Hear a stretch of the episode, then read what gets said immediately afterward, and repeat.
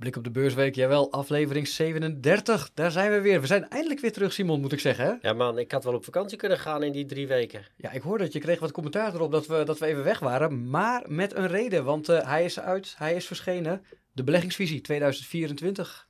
Ja, inderdaad. Het heeft even een tijdje geduurd, maar het is altijd uh, richting eind van het jaar toch iets waar... Uh, ja, waar mensen op zitten te wachten. En uh, niet alleen uh, onze relaties, maar ook, uh, ook daarbuiten hopelijk. Staat live op de internetsite. Jij weet precies www.ing.nl slash beleggingsvisie. Gaan bekijken. Hè. Iedereen heeft zijn Spotify rap natuurlijk al een beetje bekeken. Maar beleggen is vooruitkijken, niet terug. En ja, het is een must-read. en als je niet van lezen houdt, hebben we er natuurlijk ook nog helemaal. Er is ook een podcast is er te vinden, ook op Spotify. En ook op onze website, daar vind je ook nog de videoversie. Dus hè, met Simon, met Bob, met Ingrid van het ING Investment Office. Wordt het komende jaar doorgenomen voor beleggers. Rete belangrijk. Dus ik zou zeggen meteen ing.nl slash beleggingsvisie. Dat is de vooruitblik op het komende jaar. Uh, vooruitblik op de komende week. Ja, nou, uh, ik zit even te bedenken, want drie weken geleden hadden we het erover. Jij stelde mij de vraag van, uh, hoe zit het met die eindejaarsrally? Nou, voor de mensen die opgelet hebben, die is al een tijdje aan de gang inderdaad. En dat was op dat moment eigenlijk ook al zo. Um, vanaf pak een beetje de laatste week van uh, oktober zagen we heel duidelijk dat beleggers er meer vertrouwen in, uh, in kregen. Dat die centrale banken eindelijk klaar zijn met het verhogen van de rente. Hè, de tegenwind waar we afgelopen 18 maanden enorm last van hebben gehad op de beurzen. Die lijkt weg te gaan en dat heeft alles te maken met inflatiecijfers die ja, eigenlijk stuk voor stuk lager uitkomen dan verwacht. Hè. Zo hadden we dat gisteren, zo hadden we dat vandaag over Europese inflatiecijfers uit Nederland. En uh, as we speak, uh, en ik ga straks wel even spieken hoe dat in, uh, in Amerika zit, maar ook daar zie ik dat die inflatiecijfers toch wat, wat lager uitvallen dan verwacht. En dat betekent dat inderdaad die centrale banken, in dit geval de Fed en de ECB, echt wel klaar zijn met, met het dichtdraaien van de geldkraan. En dat we vanaf volgend jaar um, daar een andere beweging gaan zien. Dat is het opendraaien van de geldkraan. En dat is waar markten nu al een beetje op, op voor sorteren. Ja, je zegt volgend jaar, uh, dat zal niet meteen na het knallen van de kurken zijn op 1 januari. Uh, hoe moet ik dat zien? Ja, nou, als we kijken naar de verwachtingen in de markt, dan uh, is het uh, eigenlijk vanaf, vanaf april al dat voor de ECB een eerste renteverlaging van een kwartje wordt, wordt ingeprijsd. Lijkt misschien wat aan, aan de vroege kant, maar ehm, ja, het zou me aan de andere kant ook weer niet verbazen. Um, naar verwachting zal de vet daar achteraan komen. Dat is op zich wel een beetje raar. Want ik denk toch dat de vet als eerste de beleidsrente gaat verlagen. Want die heeft hem ook het snelst en het, ja, het verst verhoogd. Dus die kan ook eerder wat, wat terugzakken. Maar je ziet wel dat ja, de markten daar, met name de obligatiemarkt, positief op reageert. Met flink lagere rentes vanaf de top van, van eind oktober of net iets daarvoor. zien we toch 60, 70, 75 basispunten lagere rentes. En dat betekent hele mooie rendementen voor obligatiebeleggers in de maand november. Uh, en de obligatiebelegger die is weer helemaal terug van weg geweest. Misschien ook voor het komende jaar een beetje wat verwijzend ook naar de beleggingsvisie. Ja, absoluut. Ik denk dat um, in tegenstelling tot um, nou, de volgaande jaren, laat ik het dat maar breed pakken. Um, dat de vooruitzichten met name voor obligatiebeleggers echt wel uh, behoorlijk goed zijn. En dat heeft natuurlijk te maken met uh, twee dingen. Eén is dat de rente op dit moment, dus het aanvangsrendement, best hoog is. In ieder geval weer uh, flink positief en ook na aftrek van inflatie. Dus de reële rente hè, die je krijgt na aftrek van die inflatie is weer positief. En Um, zoals gezegd verwachten we dat uh, rentes volgend jaar nog wat verder zullen gaan dalen. Dan heb ik niet alleen over de beleidsrentes van centrale banken, maar ook de kapitaalmarktrentes. En uh, zoals je weet, Stefan, hè, lagere rentes betekent hogere obligatiekoersen. Nou, tel daarbij op hè, het effectieve rendement wat je al krijgt op dit moment over die 12 maanden. Ja, dan zitten wij toch te denken aan een gemiddeld rendement van 12, of wat zeg ik, sorry, 7%, niet overdrijven, 7% voor de komende uh, 12 maanden. Dus dat is uh, ja, een, uh, een hele verbetering ten opzichte van de twee hele slechte jaren die we, die we, hebben, ja, die we achter ons hebben. Inderdaad, dat klinkt interessant. Um, als je ook zegt inderdaad, hè, de prijs van geld gaat omlaag met de dalende rente, denk ik ook, het wordt interessanter om te lenen, denk ik ook aan groeiaandelen. Uh, dat zijn uh, hele goede conclusies die je, uh, die je trekt. Um, want laten we niet vergeten dat de reden waarom die inflatie wat naar beneden kan, is ook omdat we verwachten dat de economische groei wat afneemt. Hè, het is niet allemaal uh, Hosanna. Uh, we verwachten toch dat die Amerikaanse arbeidsmarkt langzamerhand toch wat, uh, wat verslechtert. Dat betekent ook een wat tragere economische groei. Maar als gevolg daarvan inderdaad ook lagere rentes. En dat betekent dat in zo'n omgeving waarbij de economische groei afneemt, dat beleggers vooral op zoek gaan naar die bedrijven die juist wel in staat zijn om in zo'n periode toch winstgroei te laten zien. Ja, dan kom je toch weer terug bij die uh, Magnificent Seven aandelen onder andere. De IT, uh, communicatiediensten, maar ook um, aandelen uit de sector duurzame consumentengoederen die um, toch tegen de wind in uh, van, van de economie um, de wind in de rug hebben. Um, uh, mede door die, door die lagere rente en waarderingen wat om, omhoog kunnen gaan. Dus dat is nog steeds waar we uh, toch de beste vooruitzichten hebben voor 2024. Oh, de Magnificent Seven inderdaad. We mogen ze weer in de gaten gaan houden. Ze hebben dit jaar een beetje de kar getrokken. Absoluut. Ja.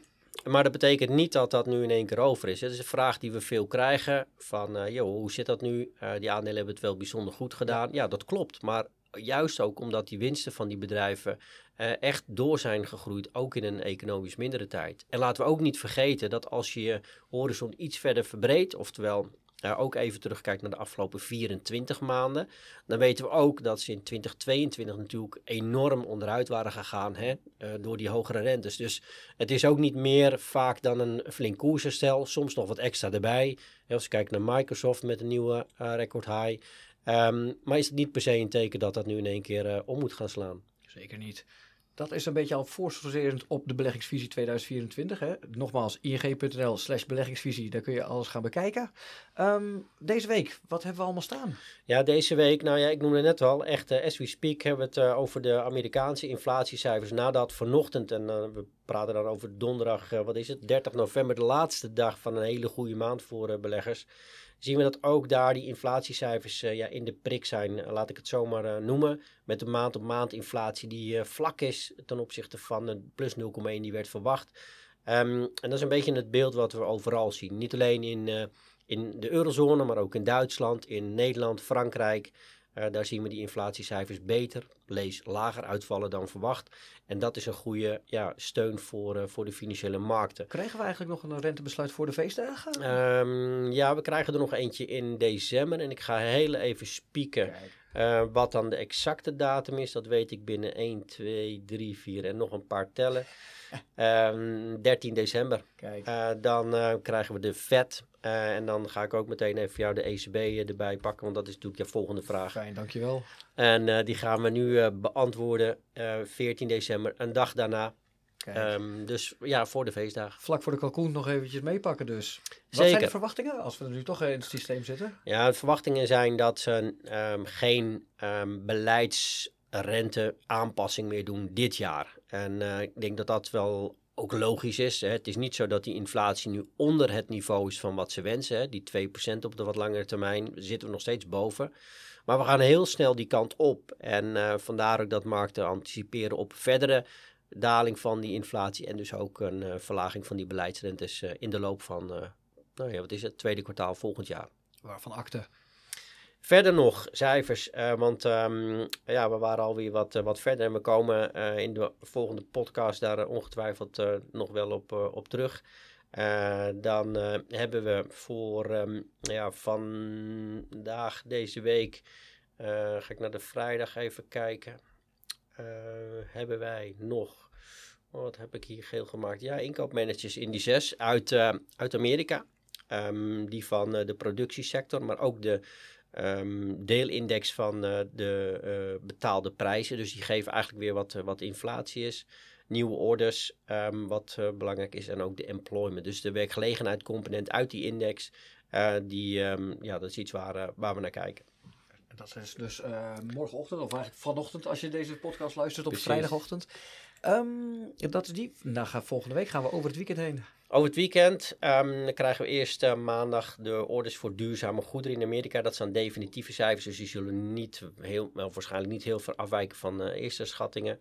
Uh, dinsdag krijgen we inflatiecijfers uit Japan. Ja, daar hebben we het eigenlijk niet zo heel vaak over. Hè? Nee. Japan is een beetje ja, een, een ondergeschoven kindje. Um, is wel groot qua economie, um, qua market cap in, in de wereldindex uh, weer een uh, heel stuk kleiner. Uh, heeft het heel lastig gehad, met name de deflatie die parten speelde. Maar daar hebben we ook inflatiecijfers van rondom de 3% op dit moment.